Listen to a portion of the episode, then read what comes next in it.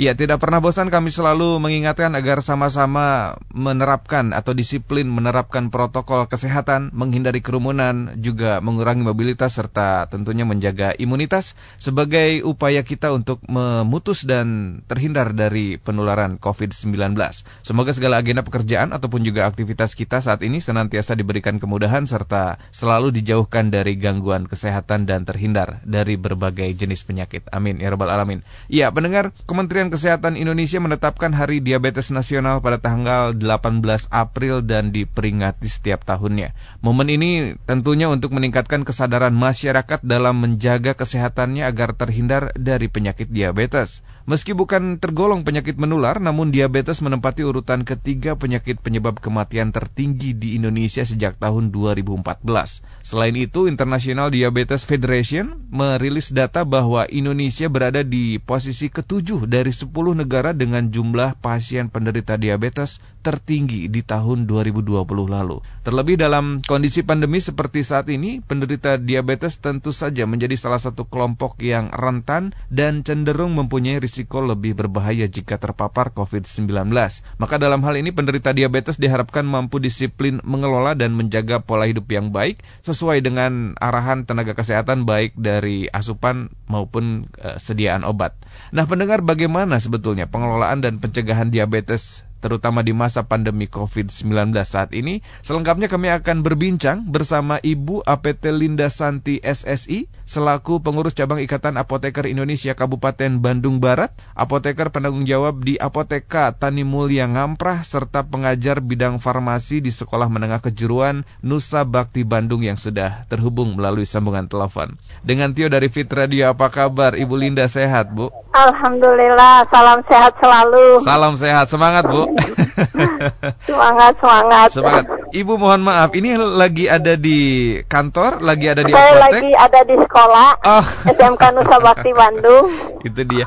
Bu Kebetulan juga ngajar online. Nah, itu. Ini gimana cara bagi waktunya, Bu? Dari tugas-tugas yang Ibu punya begitu setiap hari.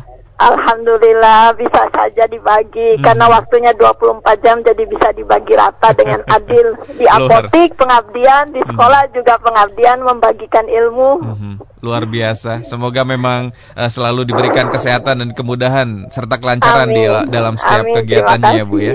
Ibu terima kasih hari ini sudah bersedia bergabung bersama kami di Fit Radio Bandung. Kami ingin belajar banyak nih mengenai cara pengelolaan dan juga pencegahan diabetes di masa pandemi Covid-19, Bu. Nah, mungkin untuk mengawali di masa pandemi COVID-19 ini kan memang penderita diabetes ini menjadi kelompok yang sangat rentan begitu ya Bu ya. Nah, apa Iya, saja betul. yang apa saja yang perlu diperhatikan nih dari penyakit diabetes ini, Bu? Nah, Hmm. ini memang ya penyakit ini memang sangat perlu diwaspadai Iya. masa pandemi gini karena Iya.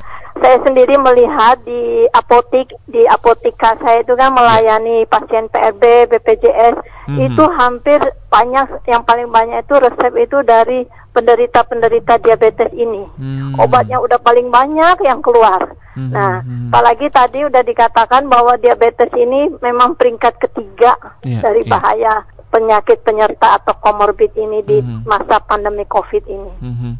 Nah, sebetulnya biasa begitu masyarakat paham adalah ini yang disebut dengan kencing manis begitu ya Bu ya atau seperti apa? Iya, betul. Hmm. Nah, kencing manis kadang orang melihat, aduh enak ya kencing manis berarti kencingnya rasanya manis kali ya gitu ya. nah ini biasanya dalam istilah uh, kedokteran atau Iya. farmasi gitu ya Iya. disebut diabetes mellitus.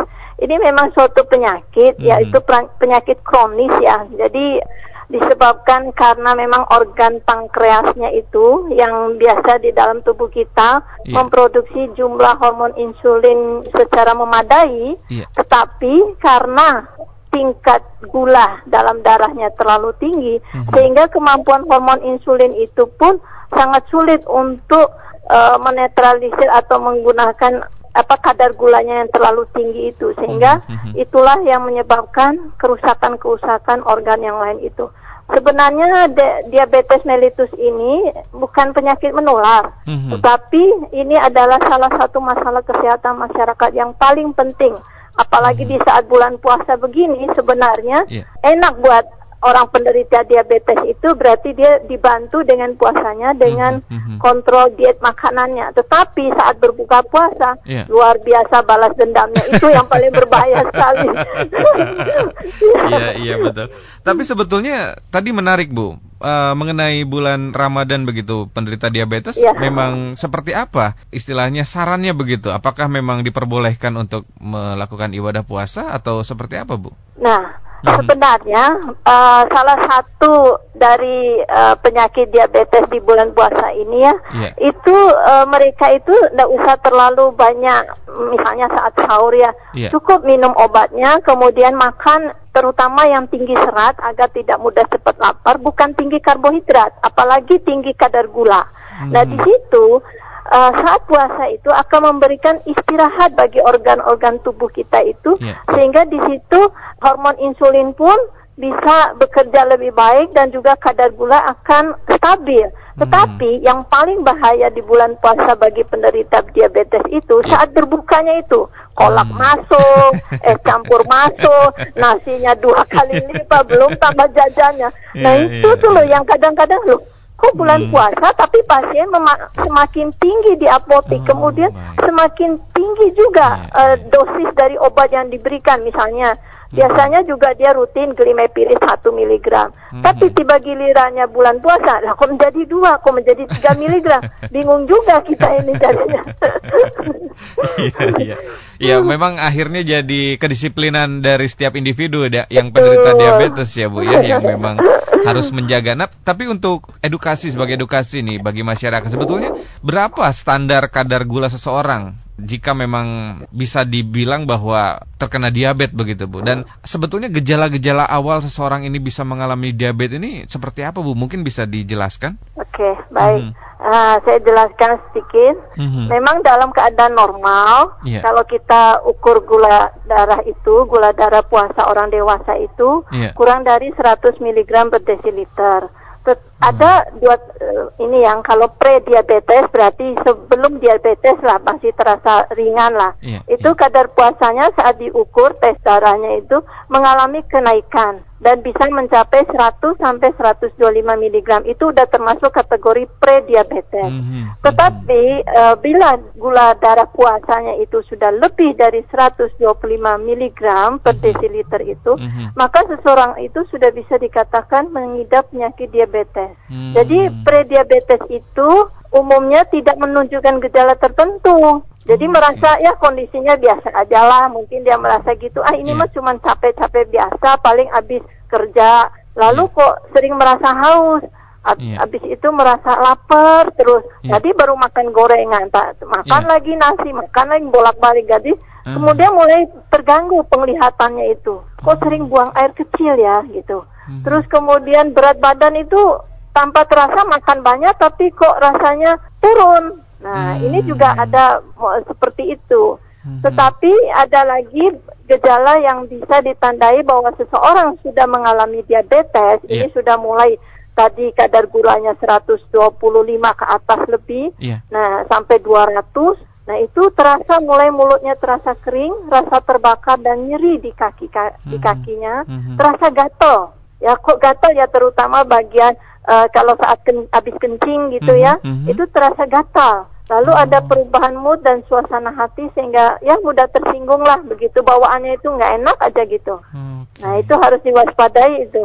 Ini bisa termasuk disebut gejala juga ya berarti Bu ya? Ah, baru gejala awal yang kita biasanya kan orang ah malas ah pergi ke laboratorium Iya, gitu iya, ya mau iya. cek darah mau cek ini Iya. itu malas apalagi zaman covid begini ih Hmm. malas udah rame begitu mau cek darah padahal untuk alat tes darahnya sendiri itu Iya. bisa kita beli berupa semacam strip gitu ya jadi Hmm. stick strip gitu itu eh, untuk cek gula darah itu kapan pun bisa kita gunakan gitu loh. Itu ya Oh. hanya sekedar pemantau saja, ada garis-garis warnanya itu. Iya, nah, iya. begitu terlihat ada warna kok lebih mendekati tinggi sekali ini kadar gula. Itu Iya, sudah iya. dari gejala aja tubuh itu sudah memberikan sinyal.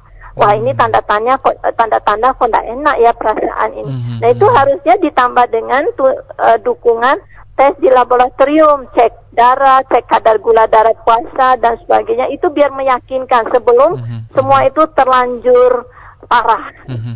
Baik Bu, berarti bisa dilakukan secara mandiri di rumah sebetulnya ya Bu ya? Iya betul bisa. Untuk Sekarang apalagi ada yang model digital ya, Hmm. gampang banget itu. Iya iya iya. Mm-mm. Baik Bu, untuk secara umum begitu rata-rata usia saat ini yang mengalami diabetes ini ada di kisaran usia berapa Bu dari data yang Ibu miliki? Kalau diabetes itu memang ada sejak bawaan dari lahir ada Hmm. saat remaja 15 tahun udah terasa itu berarti Iya. udah masuk dalam kategori yang diabetes tipe 1 ya. Jadi di Hmm. situ tuh memang ada jenis dua diabetes itu ya. Jadi di diabetes yang sejak awal masih muda sudah ada. Iya. Nah itu artinya memang sejak awal itu sejak lahir mungkin ada kerusakan atau uh, keku- ke dia punya pankreas itu sehingga kadar hormon insulinnya Mhm, itu mhm. uh, sudah kurang atau tidak bisa terpenuhi gitu. Mhm. Tapi umumnya yang biasa diderita oleh masyarakat yang paling banyak itu adalah diabetes tipe 2 Mhm. di mana munculnya pada saat usia dewasa. Hmm, Gitu. Jadi untuk yang diabetes tipe 1, mungkin eh, ini yang dimaksud dengan apa istilahnya? Warisan begitu ya, genetik ya, Bu ya? Ya bisa jadi genetik pola hidupnya. Memang kalau yang D- DM tipe 1 itu umumnya Iya. genetik ke, ke ada ketidakbagusan pankreasnya. Hmm. Untuk Anda pendengar yang juga mempunyai keluhan ataupun juga ingin berkonsultasi bersama Ibu Linda, silahkan bisa kirimkan pertanyaan Anda melalui SMS ataupun juga WhatsApp di nomor 0811 2102 948. Kami ulangi nomornya di 0811 2102 948 ataupun juga bisa mention kami melalui akun media sosial Twitter @fitradiobandung. Baik Bu, mungkin bisa jadi edukasi kembali bagi masyarakat bila memang seseorang eh, mengalami entah itu dari DM tipe 1 atau DM tipe 2 begitu ya Bu ya. Ini Iya. kapan seseorang ini perlu mengkonsumsi obat Bu sebetulnya? Baik. Nah, tidak semua diabetes atau penyakit kencing manis ini harus ditangani obat-obatan ya. Jadi Hmm. pada awal pengobatan, ya paling tidak setelah dia periksa ke dokter, maka dokter akan lebih dahulu menyarankan pasien itu untuk mengatur pola makannya. Hmm. Nah, dan menerapkan gaya hidup hidup sehatnya. Jadi Hmm. bisa jadi pola makan di dalam keluarganya itu Ya. eh, selalu menghidangkan makanan-makanan yang eh, kaya dengan gula, karbohidrat, lemak dan miskin serat. Nah, itu Hmm. salah satu pemicu eh, dari pola hidup itu. Apalagi ditambah sekarang anak-anak atau orang tua itu ada nongkrong di kafe kopi misalnya Hmm. itu juga sangat mempengaruhi itu wah Iya. enak minum kopi sambil ngobrol dengan rokok segala macam Mhm. temennya Mhm. nah itu itu suatu gaya hidup yang sebenarnya tidak sehat ya sehingga Mhm. tanpa Mhm. disadari itu menimbun penyakit segala macam nah Mhm. sehingga uh, dokter paling akan menyuruh coba diet dulu atau Hmm. coba deh gaya hidup sehat dulu bagaimana sih Iya. supaya kadar gulanya itu bisa dikontrol dulu. Karena kalau sampai ke obat itu sudah dalam tahap wah ini sudah tidak bisa dikendalikan lagi dengan makan ini pasiennya. Mhm, itu malah lebih nggak enak lagi kalau minum obat tuh Hmm. Iya, ini sebetulnya ada tanda berarti Bu, apa yang eh, anggaplah ketika seseorang ini me- memeriksakan begitu kondisi kesehatan atau gula darahnya dan ketika di awal disarankan untuk melakukan diet ya Bu ya, tanpa Iya. harus dengan obat terlebih dahulu. Nah, tapi ketika ternyata ada satu fase yang memang membutuhkan obat itu seperti apa Bu? Ya, jadi memang kalau sampai sudah gaya hidup atau pola hidup atau segala macam menu dan segala macam Ya. tidak bisa juga Ya. diatasi, Ya. gula darahnya itu makin naik. Ya. Nah, terpaksa harus diberi obat diabetes. Jadi tujuan obat diabetes ini sebenarnya hanya mengatur kadar gula darah yang tidak terkontrol tadi, Hmm. sehingga tidak memunculkan komplikasi pada berbagai organ tubuh. Kalau tidak diberi obat diabetes, Mhm. itu tuh malah parah, lebih bahaya lagi di komplikasi pada organ tubuh, jantung, misalnya Mhm. ginjal. Nah, itu akan terjadi kerusakan otaknya atau bahkan mata itu menjadi kabur tanpa ada Hmm. wah tiba-tiba ini kenapa ya kayak begini ya serangan Jadi apa burem ini? gitu ya, jadi burem Iya, ya Bu ya. jadi burem nggak Hmm. bisa ini. Itu sudah parah kadar gulanya udah tinggi, bahkan ada sampai yang pingsan loh kalau udah kayak gitu terlalu Hmm. tinggi.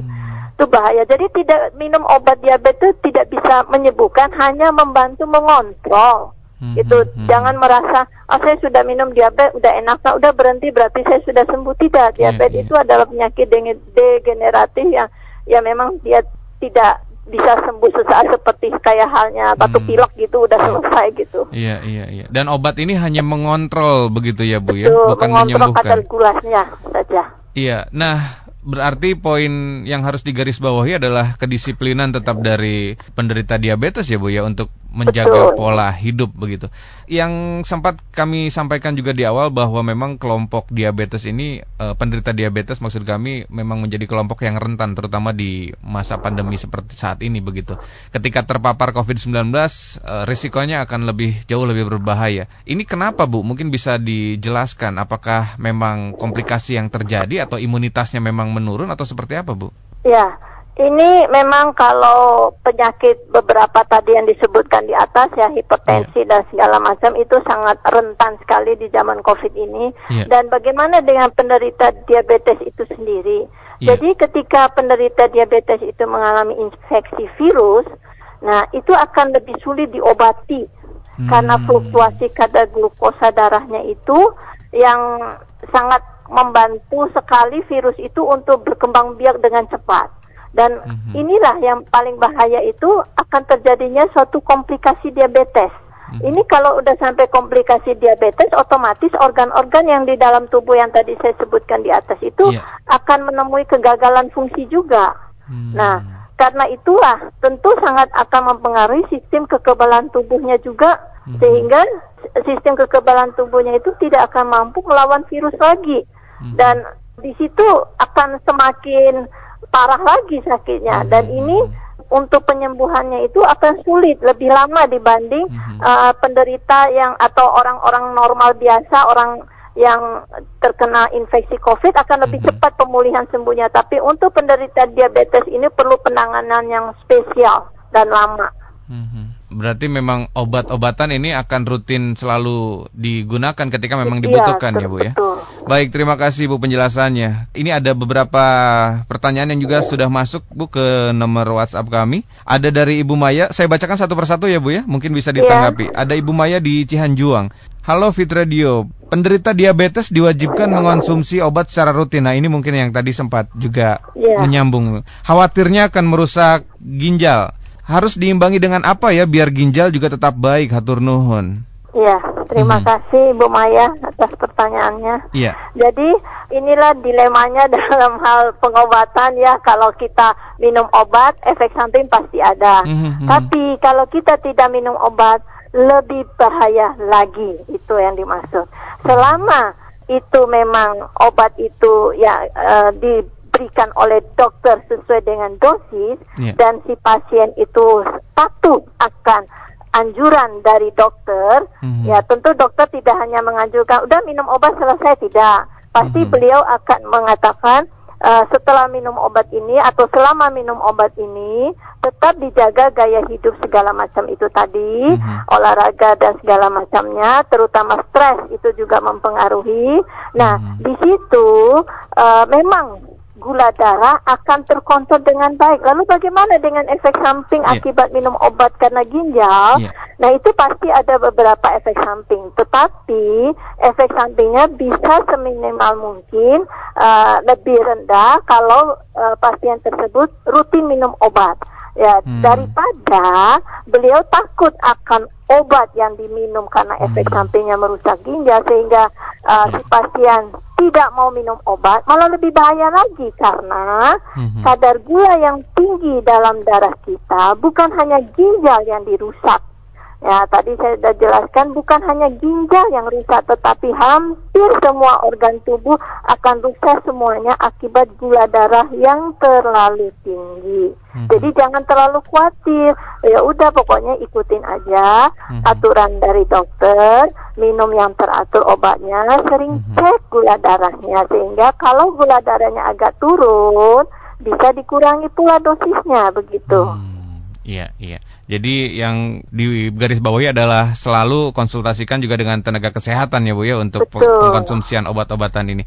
Lebih memang ada efek samping ketika menggunakan obat tetapi akan lebih bahaya jika tidak menggunakan obat Betul. begitu ya Bu ya. Baik. Iya. Terima kasih seperti itu Bu Maya tanggapan dari Ibu Linda. Kemudian ada Bapak Yahya di Kopo. Apa kabar Pak Yahya? Yang dimaksud diabetes basah dan diabetes kering itu apa ya? Benarkah tidak bisa disembuhkan? Dan apakah ada terapi obat herbal tidak? Terima kasih. Kok diabetes basah itu saya juga baru istilah awam kali Iya. ya. Se- selama ini Iya. eh, dalam dunia kefarmasian dikenalnya diabetes 1 dan 2 itu. Hmm. Kalau diabetes 1 itu tadi saya jelaskan karena insulinnya tidak diproduksi atau kurang. Kalau Hmm. yang kedua itu adalah yaitu tadi faktor setelah usia dewasa. Mhm. Jadi di sini mengenai obat herbal Iya. eh, tidak menutup kemungkinan kami para farmasis juga mengetahui lah hal itu karena dalam ilmu kefarmasian ada namanya herbal medicine itu sangat membantu sekali bagi para penderita diabetes untuk me- mengatasi kontrol gula darahnya misalnya yang tadi seperti Bu Maya ah takut ah minum obat obat paten atau Mhm. misalnya seperti itu Mhm. saya ingin mengalihkan mungkin ke herbal. Selama herbal itu herbal medicine untuk diabetes itu terstandar Mhm. dan ada izin dari Balai POM eh, ya. Jadi itu ya masih aman-aman saja gitu. Mhm. Silakan aja bisa dipakai.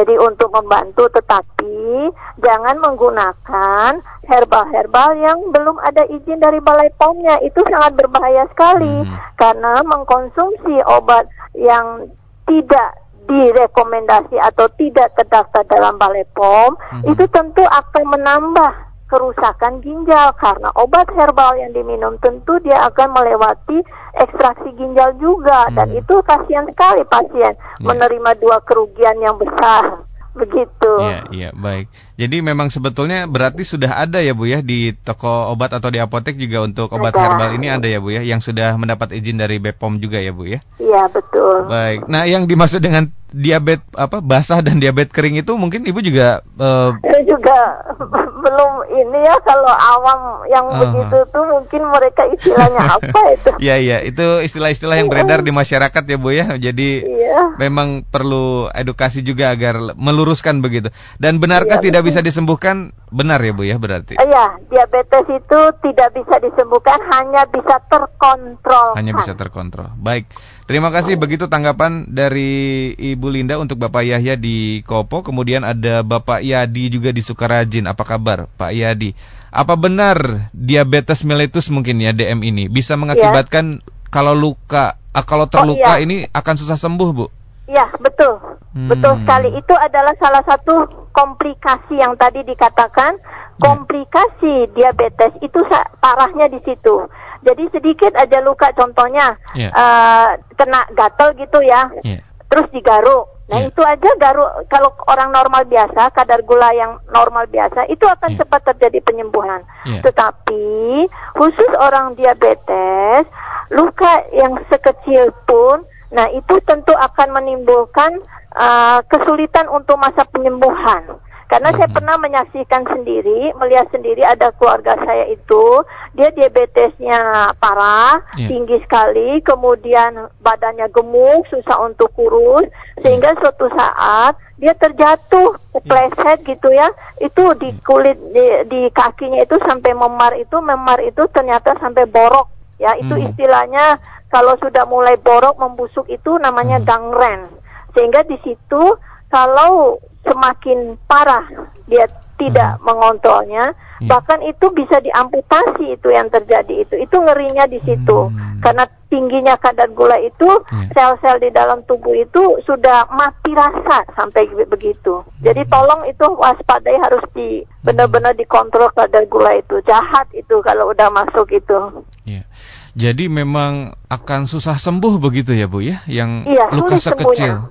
Bu tadi Ibu sempat menyinggung sedikit mengenai kegemukan Bu. Apakah memang ada hubungannya antara kegemukan atau obesitas Ada. ini dengan dengan diabetes Bu atau seperti apa penjelasannya Bu? Iya, Ya. ada. Mhm. Nah, itu memang di kegemukan itu ya, gula di- umumnya disebabkan karbohidrat. Hmm. Nah, di situ salah satunya.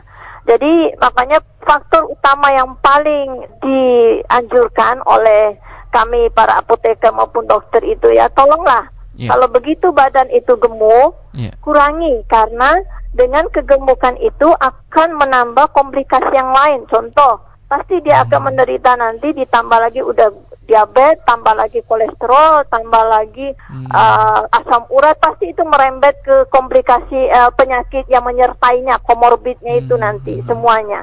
Jadi waspadalah itu aja, kurangi saja karena umumnya orang yang kegemukan yeah. hampir tidak mesti ini ya, tapi hampir sebagian besar itu bisa mengalami diabetes. Baik, meskipun tidak berlaku secara keseluruhan, tapi tidak, yang tidak ya tidak total begitu, tidak tapi pasti ada ya. umumnya. Mm -hmm. Baik, terima kasih Ibu. Ada Bapak Koko di Sukajadi. Apa ada kondisi tertentu yang memperbolehkan penderita diabetes harus segera berbuka puasa walau sebelum waktunya? Mungkin bisa nah, ditanggapi, Bu. Di sini ya. kalau memang memang tadi obatnya, sekarang kan sudah ada obat ya. Diabetes itu kan cukup diminum satu hari sekali, ada yang dua kali sehari. Jadi, hmm. nah artinya obat yang diminum sehari sekali tentu sudah ada perhitungan bahwa obat itu adalah bekerjanya juga sehari.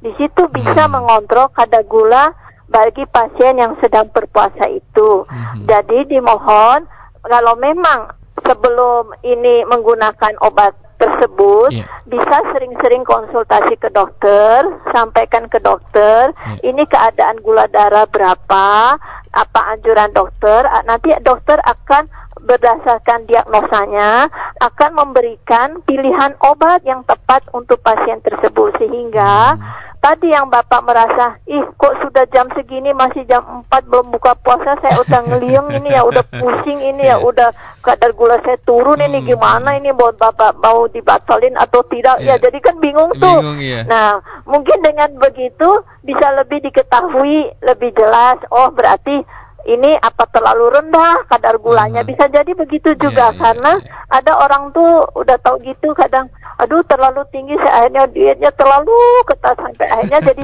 hipoglikemik juga bisa terjadi hmm. mohon dikontrol aja didiskusikan dengan dokter uh, yang hmm. bersangkutan hmm.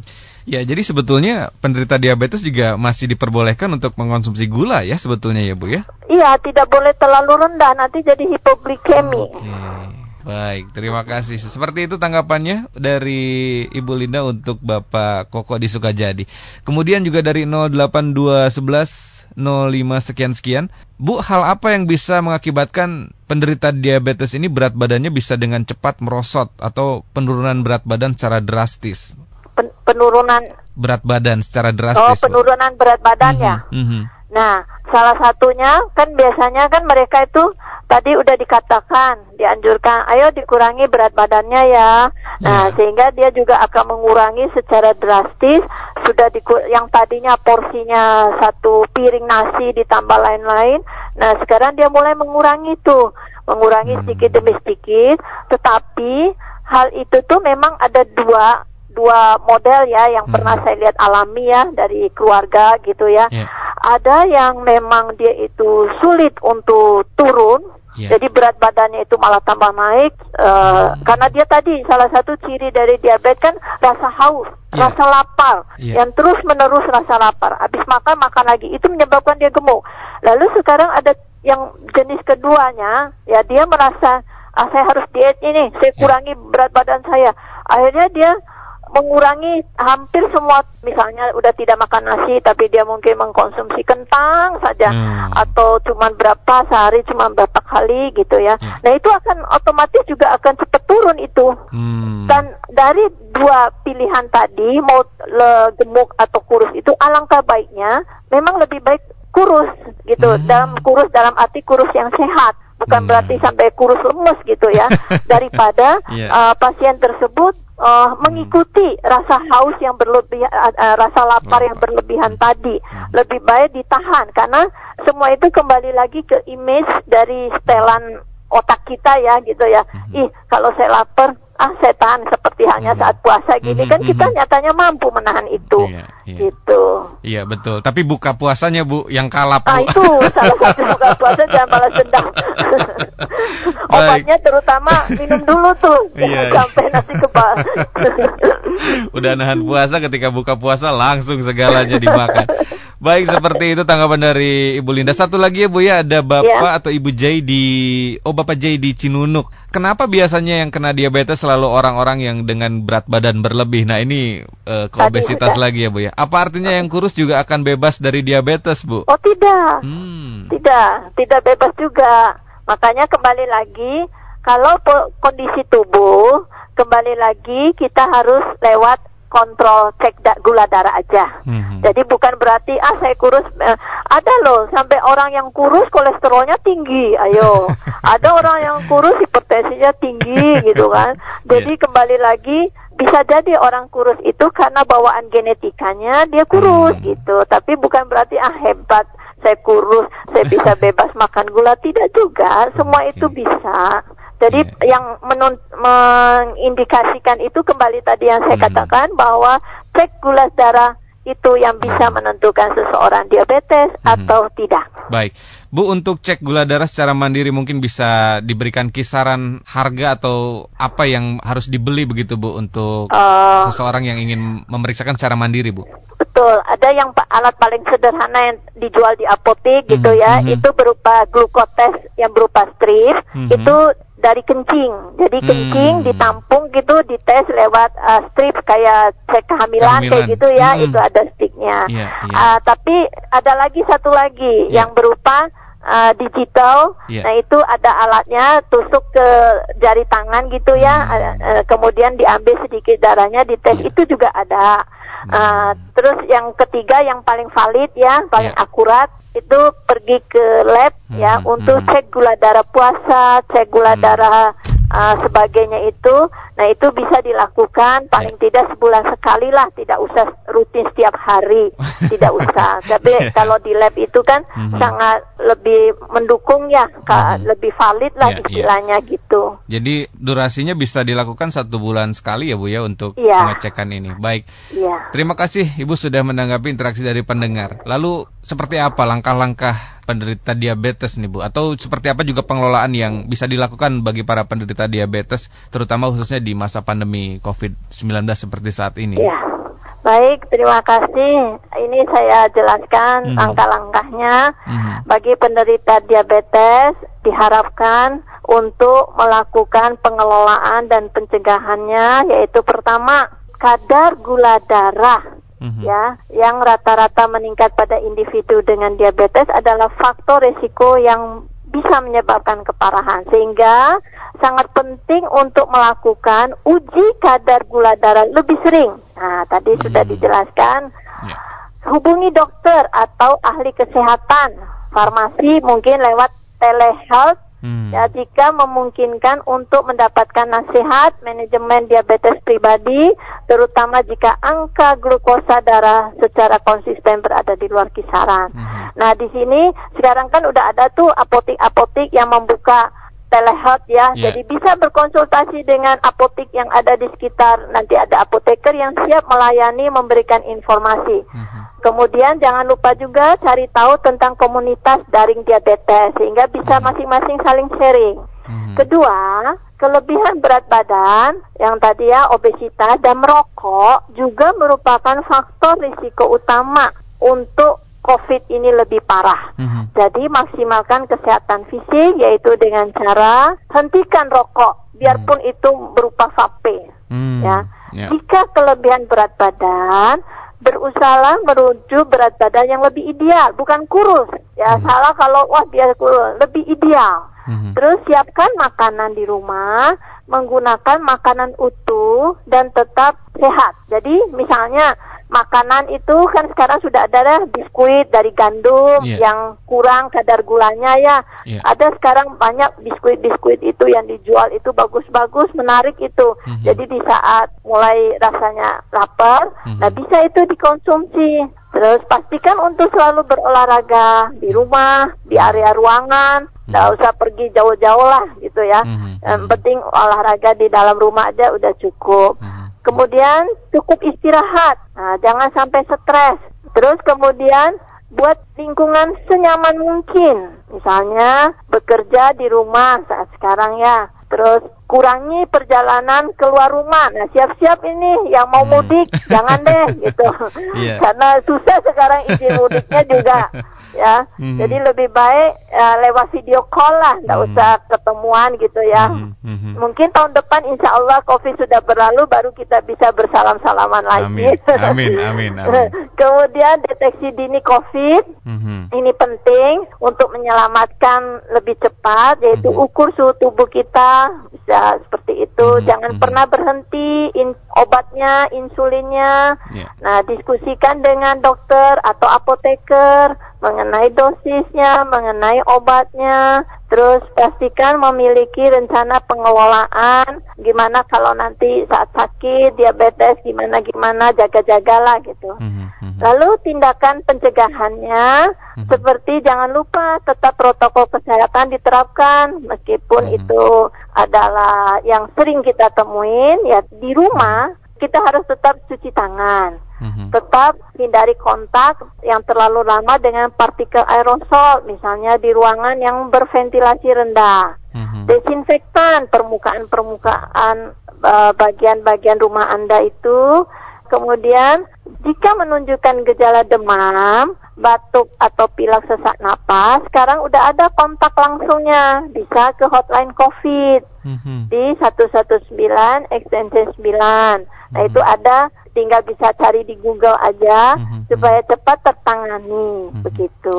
Baik, Ibu terima kasih banyak untuk kesediaan waktu dan bisa bergabung bersama kami hari ini. Semoga tidak pernah bosan untuk selalu bisa mengedukasi ya Bu ya. Terima kasih juga. Terima kasih. Sehat selalu Ibu dan selamat beraktivitas. Hatur nuhun. Ah, Baik, terima kasih. Demikian pendengar perbincangan kami bersama Ibu APT Linda Santi SSI selaku pengurus cabang Ikatan Apoteker Indonesia Kabupaten Bandung Barat, apoteker penanggung jawab di Apoteka Tani Mulya Ngamprah serta pengajar bidang farmasi di Sekolah Menengah Kejuruan Nusa Bakti Bandung. Terima kasih juga untuk Anda yang sudah bergabung dan berinteraksi bersama kami. Mohon maaf jika ada pertanyaan yang belum sempat kami sampaikan karena keterbatasan waktu. Dan bagi Anda yang baru saja bergabung dan tidak sempat mendengarkan secara utuh, silahkan Anda bisa menyimak kembali setiap episodenya melalui podcast Spotify at Fit Radio Bandung. Hatur nuhun, tetap fit, tetap sehat, tetap semangat fit listeners, and stay fit for life.